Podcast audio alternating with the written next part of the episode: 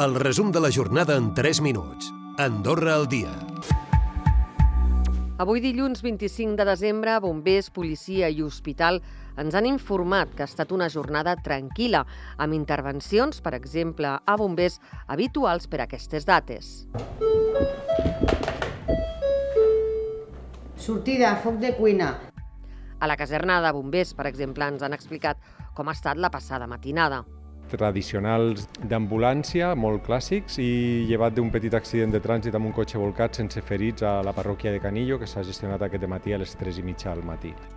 També hem volgut saber com passava el dia la gent gran que està a centres sociosanitaris com el de Clara Rabassa. Alguns passaven la tarda amb els seus familiars. A mi m'agrada molt Nadal. és unir la família. És el que més m'agrada. El Nadal és per estar la família junta. El vaig a passar a casa. Estaré tota la tarda amb la família. Serem feliços. I a l'hivern i sobretot aquests dies augmenten les famílies que necessiten ajuda. La treballadora social de Càritas, Nerea Robles, ens ha dit que enguany han ajudat a més de 600 persones en situació de vulnerabilitat.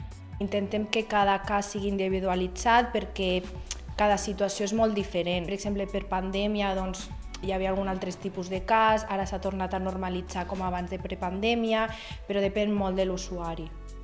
Sant Julià de Lòria torna a tenir els pastorets a casa. Els dies previs a la representació s'ha fet un homenatge als milers d'actors que han col·laborat al llarg de tots aquests anys en el muntatge nadalenc. Han estat uns privilegiats.